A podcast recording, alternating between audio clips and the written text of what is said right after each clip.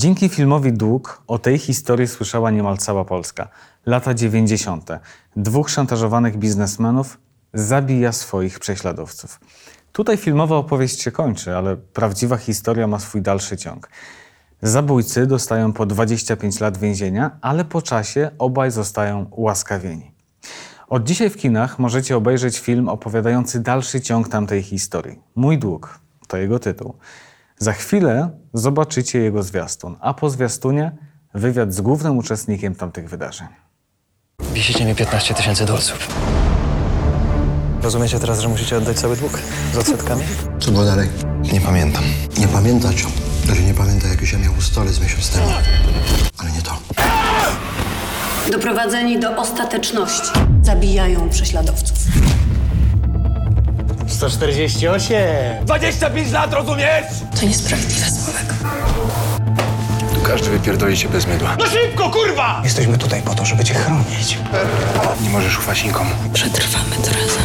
Panie prezydencie, czekamy na pana. Daj mi kartkę i długopis. Ewa. Sławek. Jest szansa na ułaskawienie przez prezydenta. Dzisiaj na jutro pewnie czekam bez strachu Witam nie świt, witam go na luzaku Radości, łzy i smutku pół na pół Cały czas w życiu stawiam czoła bez strachu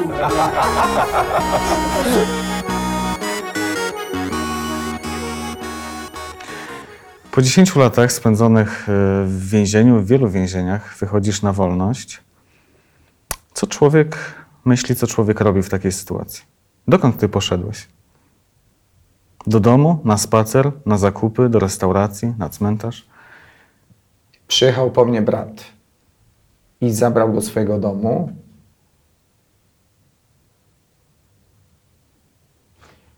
Ale ja nie wyszedłem na wolność. E, Otrzymałem przerwę w karze. Otrzymałem w sumie pięć przerw w karze. Pierwszą 180 dni. Nie wiedziałem, czy ją przedłużą. Czyli taka częściowa wolność. Wolność, której, która jest iluzją wolności, ponieważ nie należałem ani do tego świata, w którym ty jesteś, ani do świata więziennego. Byłem w takim przedsionku. 180 dni, kolejny dzień, 179 dni.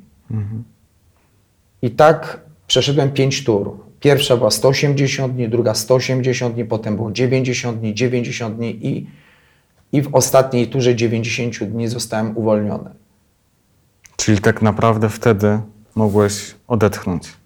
dopiero kiedy mnie prezydent ułaskawił, ale w trakcie tej, tych, e, tej przerwy w karze, półtora rocznej, troszeczkę więcej, spędziłem kilka miesięcy w szpitalu psychiatrycznym e, w Zdrojach i później na Sobieskiego, więc obejrzałem lot nad Kukułczym Gniazdem bo, e, w, w, szpitalu psychiatrycznym, bo akurat puszczali w telewizorze. E, Zupełnie inaczej smakuje. Mm. No właśnie, wytłumacz mi to, bo, bo kiedy ja sobie myślę o takiej sytuacji, że człowiek po tych 10 latach ym, wychodzi, jednak doświadcza chociażby częściowo tej wolności, no to jednak y, być może powinien się cieszyć, być szczęśliwy. A ty przechodzisz y, ciężką depresję, załamanie. Dlaczego tak się stało? Może zderzenie z rzeczywistością, z tą, z którą się zetknąłem. To można tak porównać. Kiedyś od kogoś słyszałem, że e, zamknąć psa do beczki 200-litrowej na 24 godziny i wypuścić go, to tak jak zamknąć człowieka na 3 lata i później go wypuścić. Więc zachowywałem się jak ten chyba pies w tej beczce 200-litrowej, którego wypuszczono na wolność. Myślę, że każdy, kto siedział w więzieniu, e, przechodzi taką traumę. Dzisiaj patrzę na tego Sławka zupełnie z innej strony, ale wtedy to był wariat. To był szalony człowiek, który dlatego trafił do szpitala psychiatrycznego. Najpierw musiałem się przyzwyczaić do życia w więzieniu, a potem trzeba było się od niego odzwyczaić. A odzwyczajanie trwa bardzo długo. Też zobaczyłem inne miasto. Chciałem zostać. Świat bardzo się zmienił przez 10 lat? Dużo się zmienił w Polsce, się dużo zmieniło, ale ja na początku lat 90. dużo jeździłem za granicę, y, więc, więc Paryż, Lyon, Bazylea, no jeszcze wtedy Warszawa taka nie była. Ale prawdą jest, że nie chciałem wrócić do więzienia, jak zobaczyłem tę rzeczywistość, ale to zderzenie się z tamtym światem, to było dla mnie po prostu koszmarem. I wtedy zapragnąłem wolności, bo w więzieniu nauczyłem się żyć bez, e, bez tej rzeczywistości, w której dzisiaj jestem. Wyparłem to. A potem trzeba się było znowu przyzwyczajać.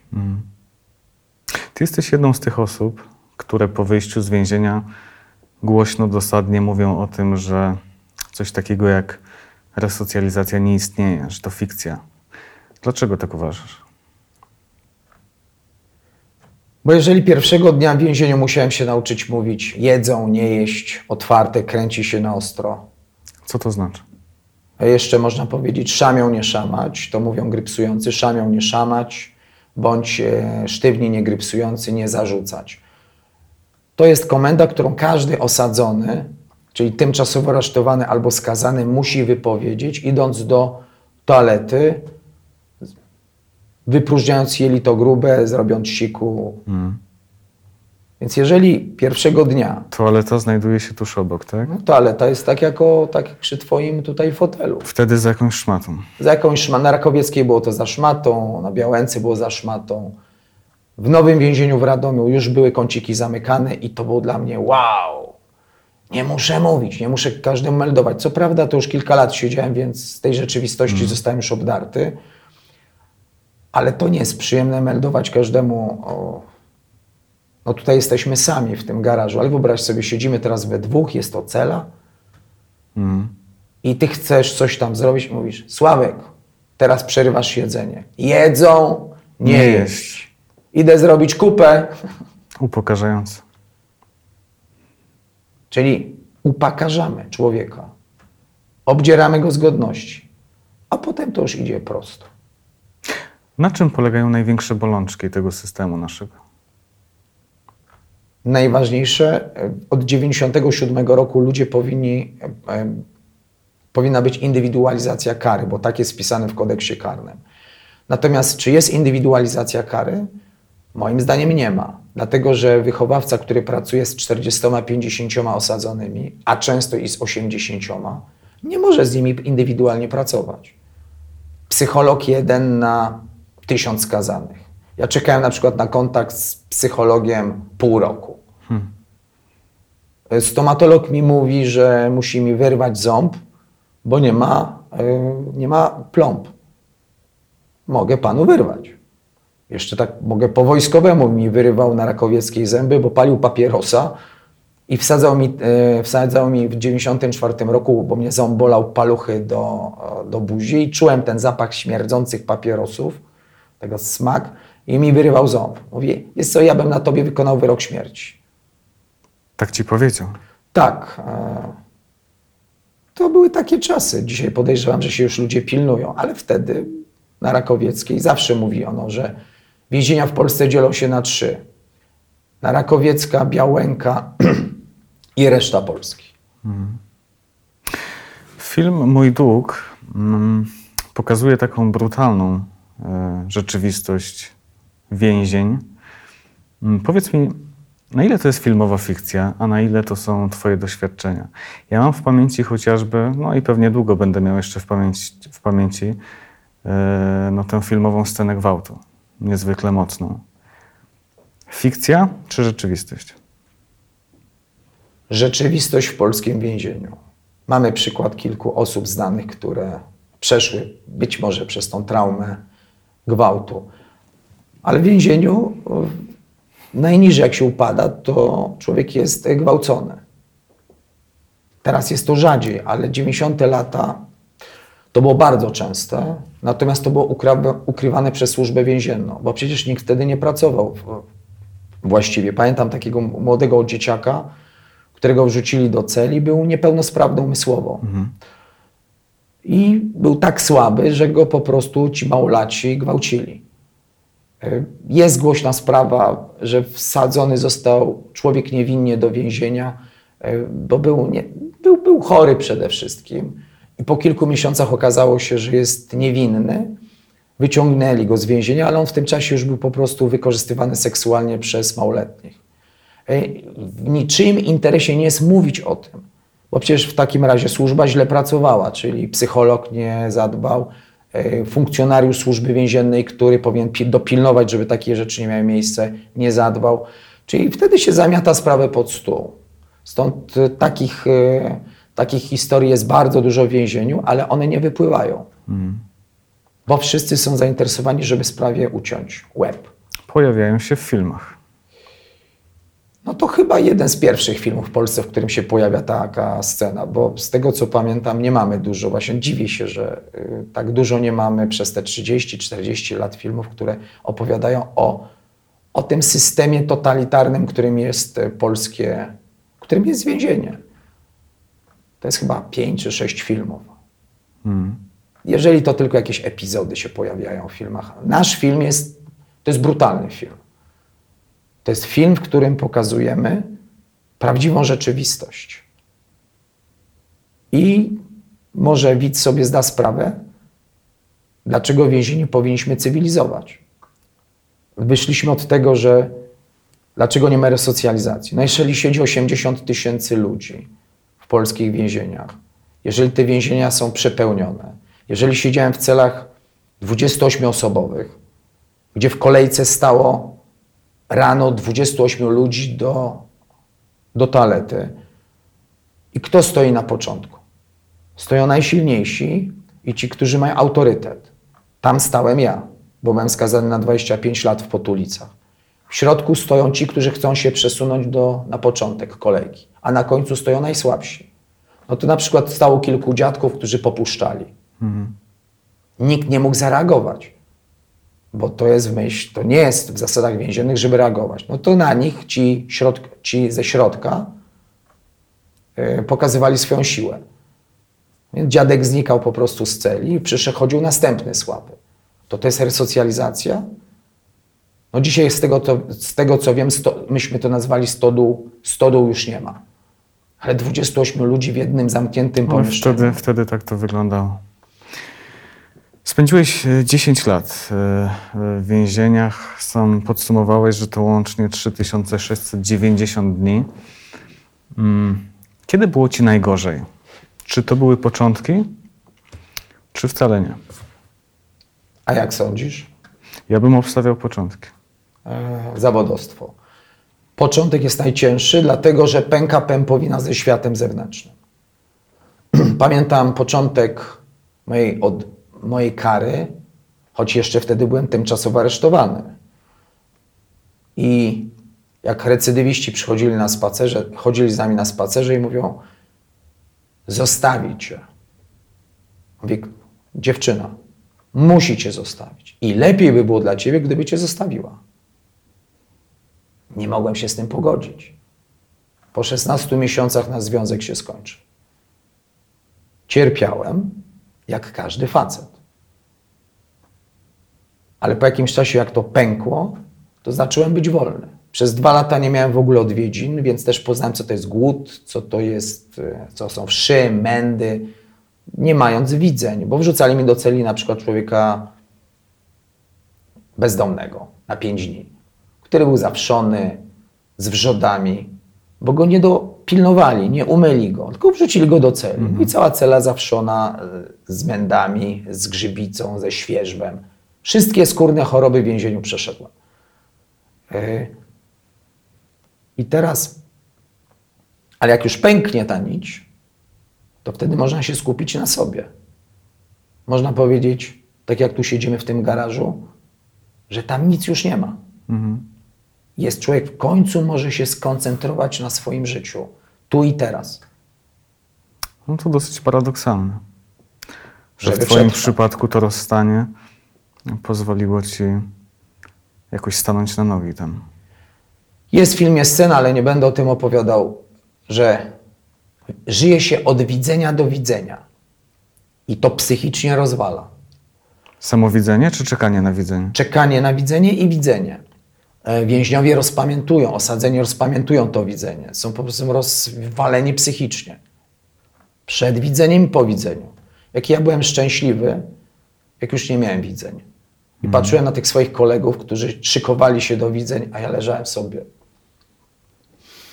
Panowie, jestem wreszcie wolny. Uwolniłem się.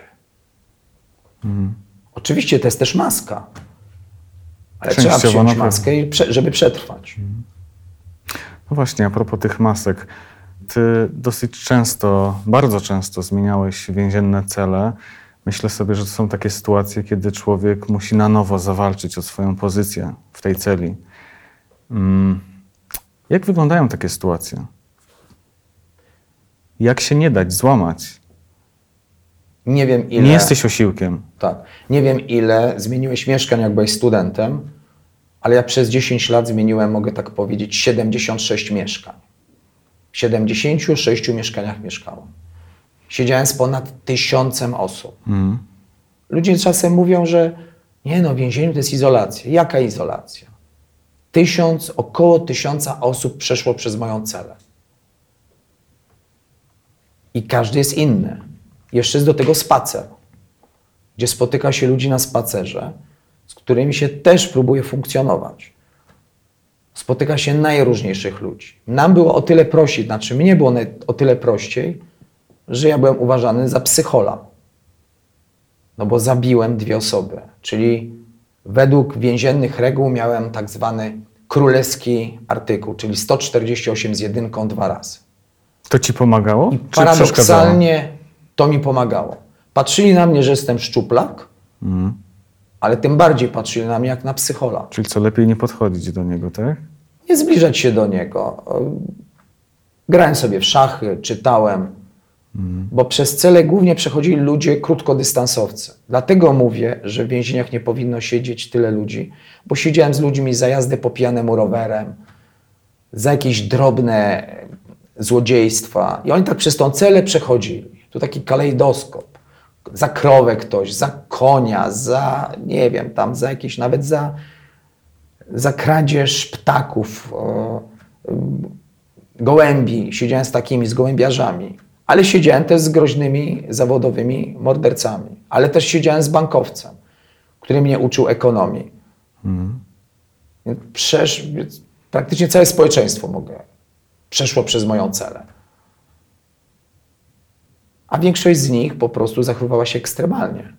Bo więzienie i cela to jest miejsce ekstremalne. Tam nie, ludzie nie chcą być. Ja tam nie chciałem być.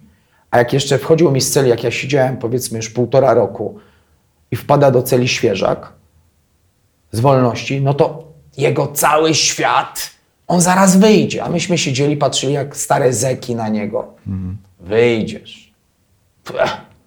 No i potem po roku, po półtora roku, słyszałem gdzieś na innym pawilonie już był, bo to tak cały czas służba więzienia przerzuca. Dlaczego?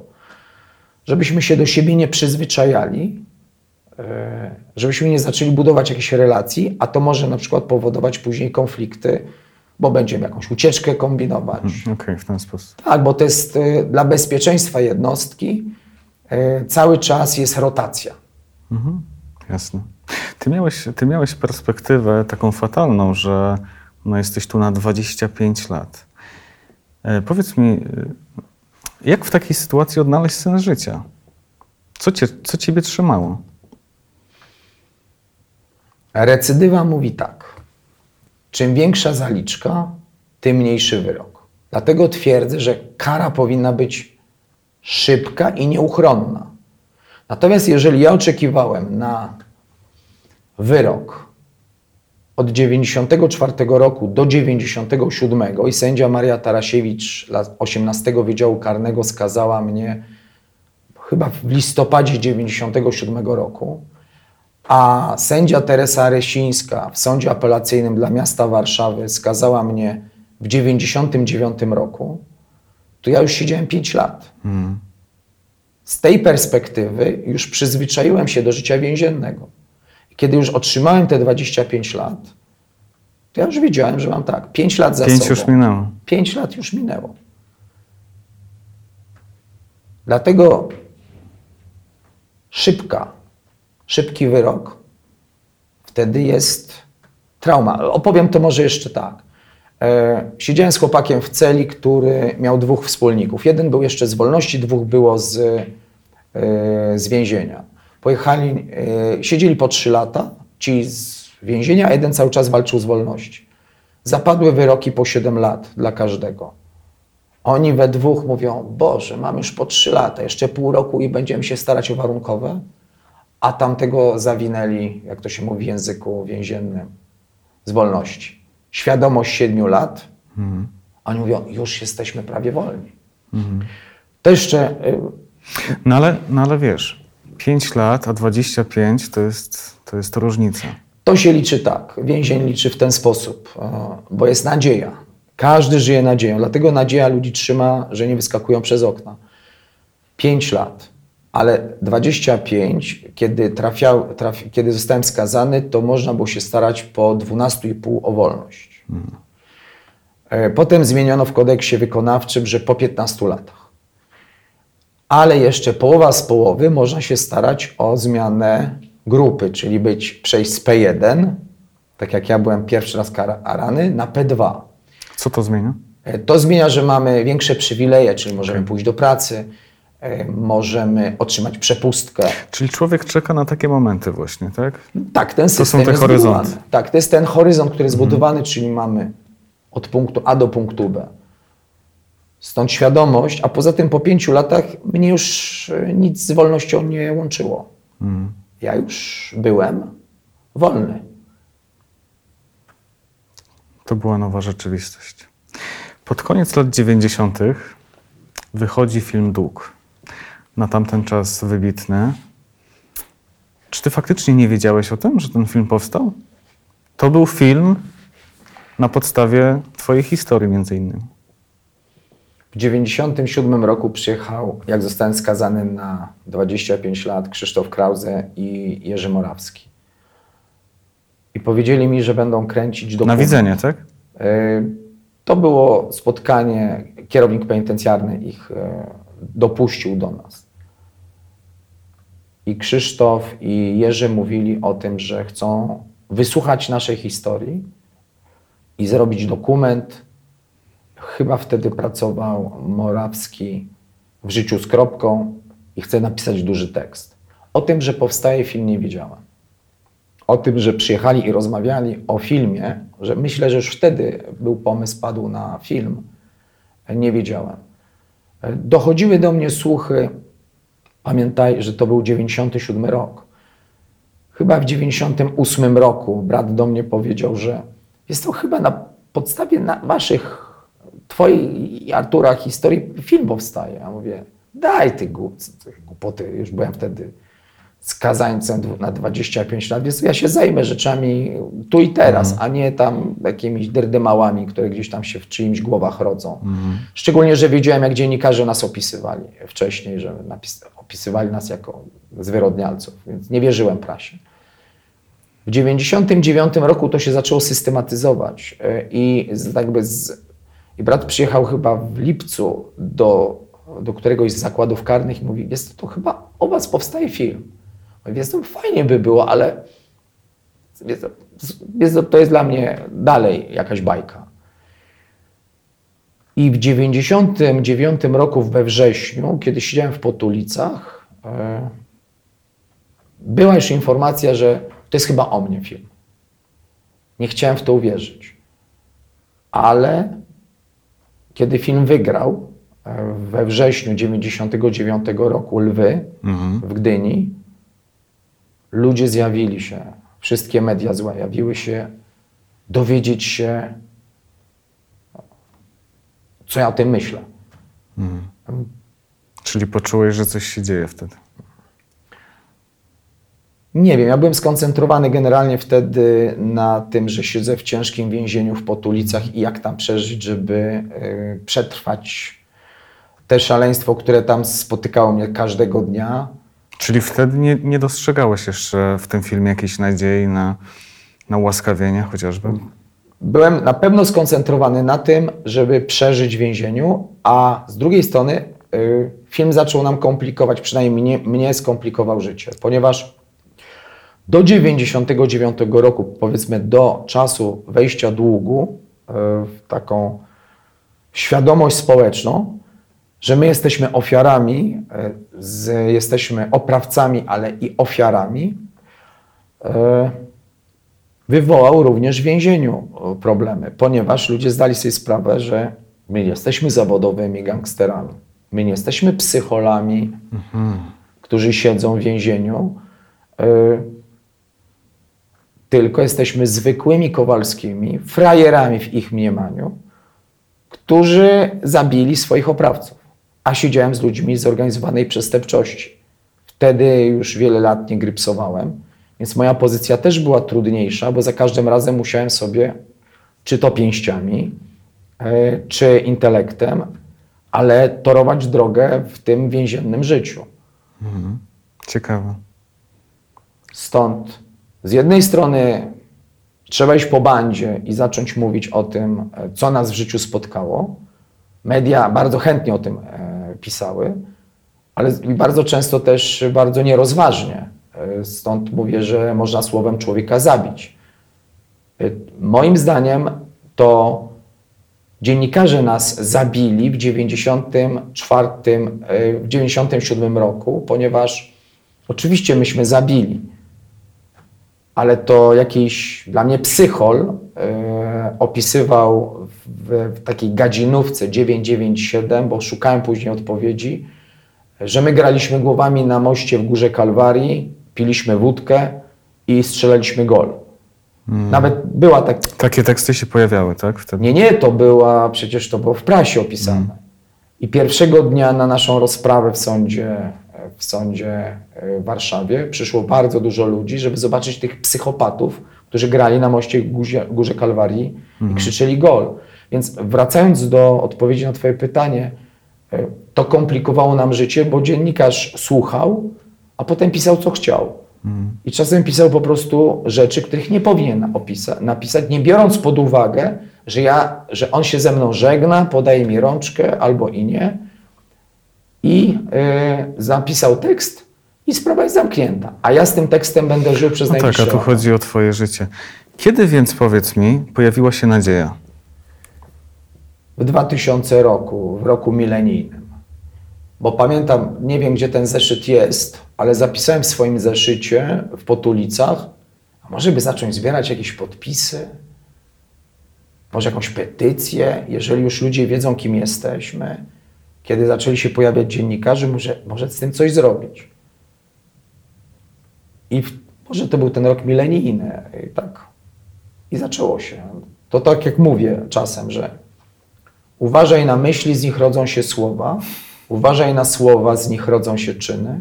Uważaj na czyny, z nich rodzą się nawyki. Uważaj na nawyki, z nich rodzi się charakter. Uważaj na charakter, z niego rodzi się Twoje wieczne przeznaczenie. Czyli pojawiła się pierwsza myśl. Może, na, może coś z tym zrobić. Nie wiedziałem, co z tym zrobić. Nie znałem internetu. A potem poszło. Oczywiście trwało to kilka ładnych lat. No to jak do tego ułaskawienia doszło, świetnie pokazuje film Mój Dług. E, To jest film, który nie tylko opisuje em, tę twoją em, przeszłość e, więzienną, ale także odnosi się do wydarzeń sprzed ponad 25 lat, a więc do podwójnego zabójstwa.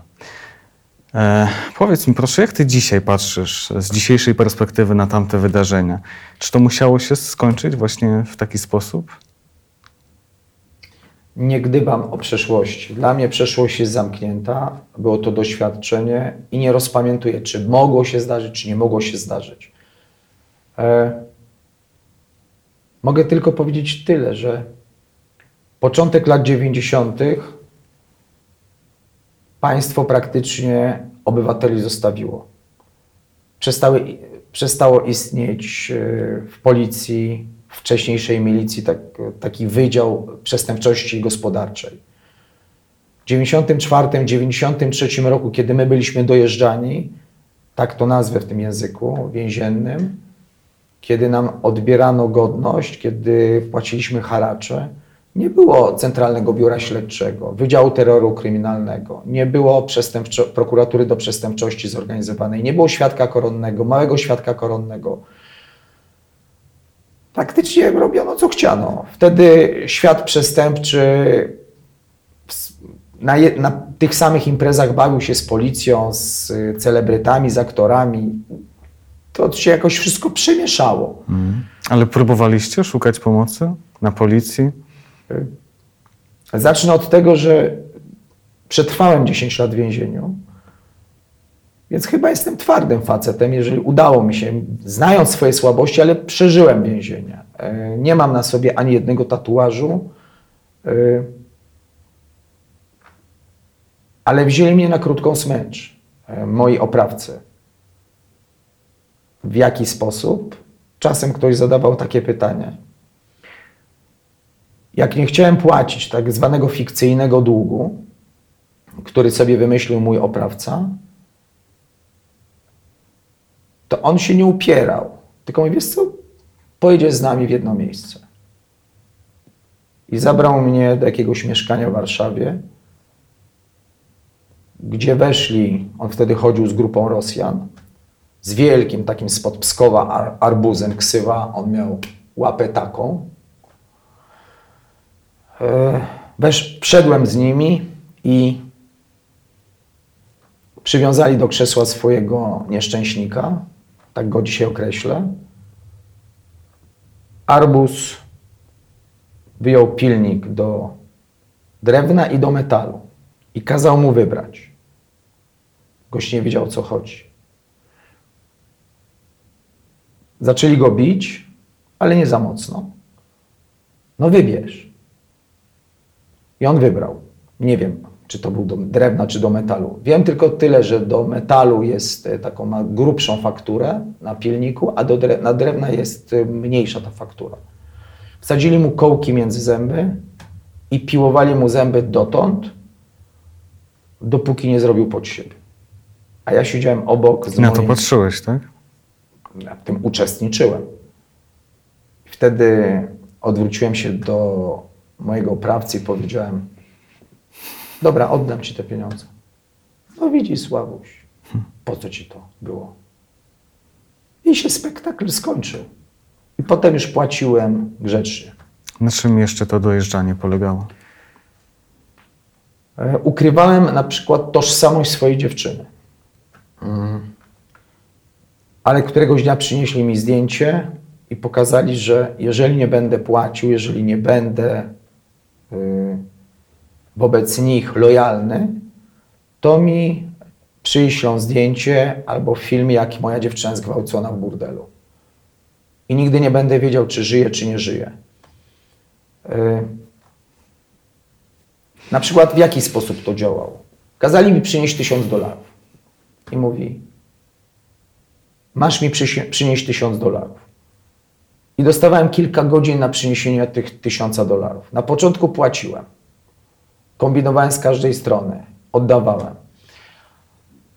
Ale później, jak już e, byłem bity, to doszedłem do wniosku, że jak mi powie, żebym przyniósł mu 500 dolarów, to przyniosę mu 250.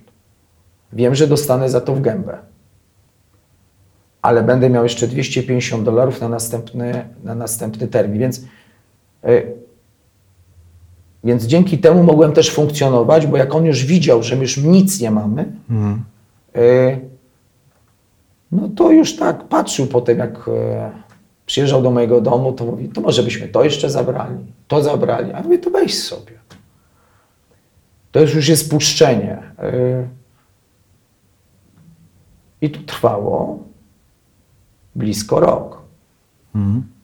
No, no i tu wracam z pytaniem, czemu nie poszliście na policję? Byłem na policji, sam się nie zgłosiłem,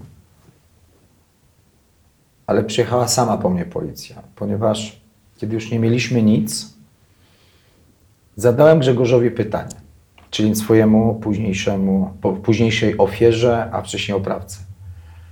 Ile jesteśmy jeszcze ci winni? On chyba wymienił kwotę 100 tysięcy złotych. Przyjmijmy to na stare pieniądze. Mówię, no okej.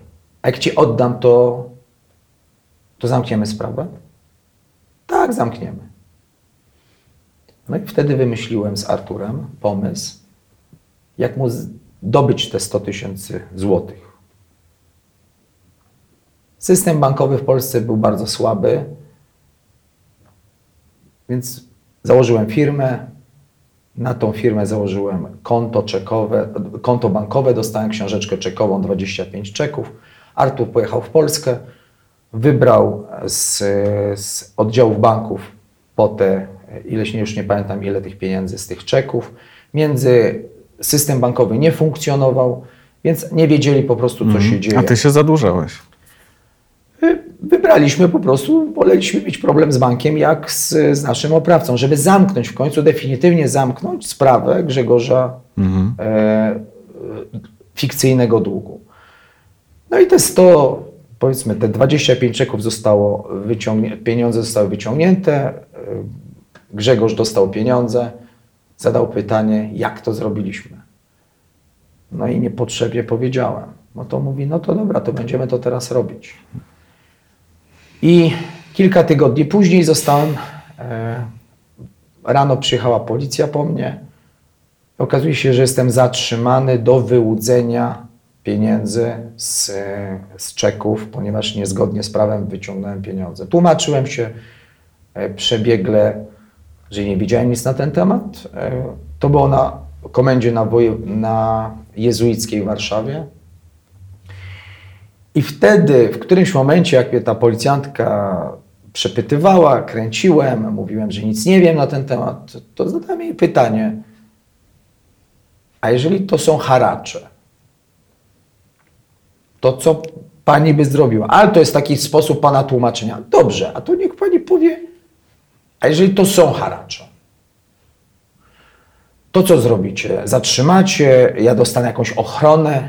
Czyli sądowałeś. E, tak, sądowałem. A pani odpowiedziała, no co pan, to nie są amerykańskie filmy, nie żyjemy w Stanach Zjednoczonych. E, Wezwiemy i pouczymy. To co, chce pan wpisać, że to są haracze? Nie, nie, nie, nie, nie. Zostawmy, zostawmy tak jak Co by było, gdyby policja wezwała Grzegorza i pouczyła? No to pewnie by mnie zabił. A na pewno by mnie ciężko pobił. E, A może by mi wsadził pilnik, a może by mnie uznał, że już nie ma ze mnie żadnej korzyści i e, warto mnie zabić na przykład albo e, okaleczyć, żeby innym pokazać, z którymi współpra- którzy są mu na przykład znowu w takie fikcyjne pieniądze winni, co się stanie z nimi w momencie, kiedy na przykład e, nie poddadzą się jego woli. No tak, czyli uznałeś, że nie ma to żadnego sensu. Wiesz, co jest najbardziej makabryczne w tym wszystkim? No te głowy. To wszyscy mówią, że, że te głowy są makabryczne. Że gdyby nie te głowy, to pewnie wyroki byłyby po 15 lat.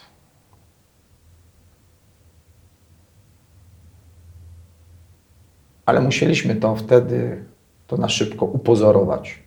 Porachunki mafijne. Jak siedziałem w, Biał, Białęce już przez kilka miesięcy, mm, to cała, bo siedzieliśmy też zorganizowaną przestępczością, to mówią, że cały Otwock i cały Wołomin został wyjęty. Przyjechali do nich i szukali, i szukali przyczyny, czy kto z nich, e, kto zrobił, co to są za porachunki mafijne.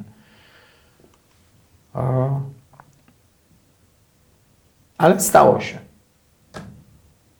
Zapłaciłem za to najwyższą cenę. No ale dzisiaj siedzimy, rozmawiamy o tym naszym projekcie Mój Dług, w którym ta scena jest bardzo mocna. Jak wpadliście? Najlepsze jest, że się sam zgłosiłem na policję. Artur został zatrzymany przez policję, a ja dostałem e, informację, że policja chce mnie przesłuchać jako świadka. I w poniedziałek, bo pamiętam, że to było w poniedziałek, przyjechałem do domu, zadzwoniłem na komendę, na, na stołecznych, e, na mostowskich i, i mówię, że jestem, Sławek Sikora, Państwo chcieliście się ze mną spotkać. Ja mówię, dobrze, to przyjadę. Nie, nie, nie, my zaraz przyjedziemy. Przyjechało ich kilku, przyjechało chyba pięciu albo sześciu policjantów. E, zaczęli szukać, przeglądać e, różne rzeczy, niezgodnie z prawem, ale zaczęli przeglądać, wiedziałem czego szukają. No w końcu mnie biorą na, e, wyprowadzają, nie w kajdankach, ale obstawionego. Jeszcze sąsiadka mnie mijała i mówi do mnie, Panie Sławku, czy coś się stało? Ja mówię, nie, nie, nic się nie stało. A, Ile to było czasu po zabójstwie? To były dni, tygodnie? nie, to było dwa albo trzy dni po zabójstwie. A muszę się cofnąć, ponieważ y, Grzegorz nas kiedyś, czyli ten późniejszy nasza ofiara, zawiózł nas na komendę na Żytnią i pokazał związanych policjantowi. I mówił, że ma układy na policji. I kiedy oni mnie wyprowadzali z domu, to ja do końca nie byłem pewien, czy to są policjanci dobrzy, czy to są policjanci źli. A wiedziałem, co myśmy zrobili. Zawieźli nas na Mostos, zawieźli mnie na Mostowskich i zaczęli mnie przesłuchiwać. Przesłuchiwali mnie 24 godziny. Nic się nie działo, nic się nie działo przez te 24 godziny. Oni nie wiedzieli nic. I jak już było, minęło te 24 godziny, wziął mnie oficer policji. Zrobił mi herbatę i poprosił, czy się chce napić. A ja się napiłem tej herbaty i zacząłem mówić. Zacząłem mu opowiadać, co się wydarzyło, co się naprawdę wydarzyło. Sam z siebie? Sam z siebie. Potem mnie już tłukli inni policjanci, ponieważ chcieli mi, tak się mówi w języku więziennym, przybić ileś niewykrytych morderstw. Bo myśleli, że my jesteśmy zorganizowaną grupą przestępczą. A teraz uwaga. Po latach ten policjant rozmawiał, nie będę mówił z kim, ale z kimś mi bardzo bliskim. I powiedział, że on sobie nie może wybaczyć, że on mnie wziął jeszcze na przesłuchanie. Dlatego, że na nas już były wypisane nakazy zwolnienia. Po 24 godzinach. Nakazy zwolnienia. I on mówi, wiecie co, dajcie mi go na chwilę jeszcze.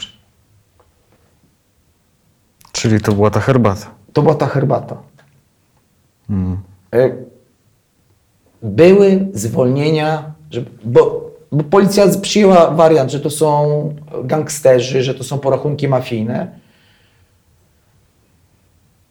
A my jesteśmy zwykłymi Kowalskimi, którzy mieli z nimi kontakt, ale generalnie jak później już wieźli mnie na Rakowiecką, to inni znowu policjanci mówili do mnie, wychodź na spacery, niech pan wychodzi na spacery, niech pan, e, jak będzie pan miał odwiedziny, to niech pan prosi, żeby rodzina pana jak najczęściej odwiedzała. Tak chcieli w jakiś sposób mi pomóc wchodzić w ten świat, e, do którego już powoli wnikałem. Także podsumowując, były nakazy zwolnienia na nas. I pewnie gdyby nie ta herbata, gdyby nie ten policjant i gdyby nie wiem dlaczego, bo dzisiaj nie umiem na to pytanie odpowiedzieć, dlaczego się przyznałem, To by nigdy nie szukali tej historii. Ale w ten sposób zapłaciłeś swoją cenę, swoje odsiedziałeś, zostałeś ostatecznie ułaskawiony. Em, powiedz mi na sam koniec, czy, czy twoi bliscy, twoi sąsiedzi, społeczeństwo w ogóle wybaczyło ci te zabójstwa? Jak czujesz? Sąsiedzi do dziś, ci, którzy żyją, bo są już to starsi ludzie, y, jeszcze kilka lat temu kłanialiśmy się sobie, uśmiechali się, cieszyli się, że jestem po tej stronie. A najbliżsi? Y, To ważniejsze. Z najbliższych na szczęście pozostała tylko jedna osoba, y, która jest w moim życiu. Natomiast cała reszta się odwróciła ludzi. y, Bo tak zawsze jest. Ale dzisiaj są inni. E, Dzisiaj jest bardzo dużo przyjaciół z tego trzeciego życia, czyli z tego życia po więzieniu. A z drugiej strony Polacy Są dwa momenty w Polsce, kiedy Polacy się zjednoczyli. To było wejście Polski do Unii, ułaskawienie Sikory. Od prawa do lewa ludzie powiedzieli, może już wystarczy dla niego tego więzienia. Tak wyrazili swoje nieposłuszeństwo obywatelskie, że dobrze, dostał 25 lat, odsiedział 10 lat, ale my mówimy, wystarczy. I to jest coś dla mnie niesamowitego, to co mi dzisiaj pozwala żyć. Y, I tak jak mówię o tym filmie Mój Dług, że to jest projekt, który prowadzę od 20 lat, że to jest podziękowanie Polakom za to, że kiedyś mnie ułaskawili, że dali mi szansę, a przez każdym nie jestem w stanie się spotkać. No, 37 tysięcy podpisów było, tak? 37 tysięcy podpisów w czasach, kiedy nie mieliśmy mediów społecznościowych. Tak. To jest fenomen na skalę światową. Polacy nie są chętni do rozstawiania swoich dano, danych osobowych. A tu na stronie internetowej www.dluk.org.pl, która już dzisiaj nie istnieje, zostawiali swoje, swoje dane.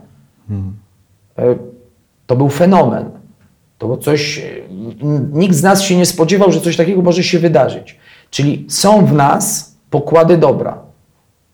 I ja też czuję się w pewien sposób zakładnikiem tej sytuacji, ale pozytywnie.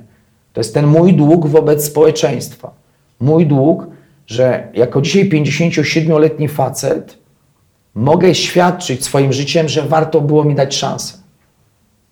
I na pewno wiele osób, które subskrybowały Twój kanał, albo będą teraz subskrybować, to są również te osoby, które brały udział w moim ułaskawieniu. I dla nich to też jest chyba taki dowód na to, że można drugiemu człowiekowi pomóc. Bardzo dziękuję Ci za to spotkanie. No i co? Zapraszamy do kin. Ja też e, dziękuję za spotkanie i zapraszam do subskrypcji tego kanału, bo jest dobry. Pięknie dziękuję.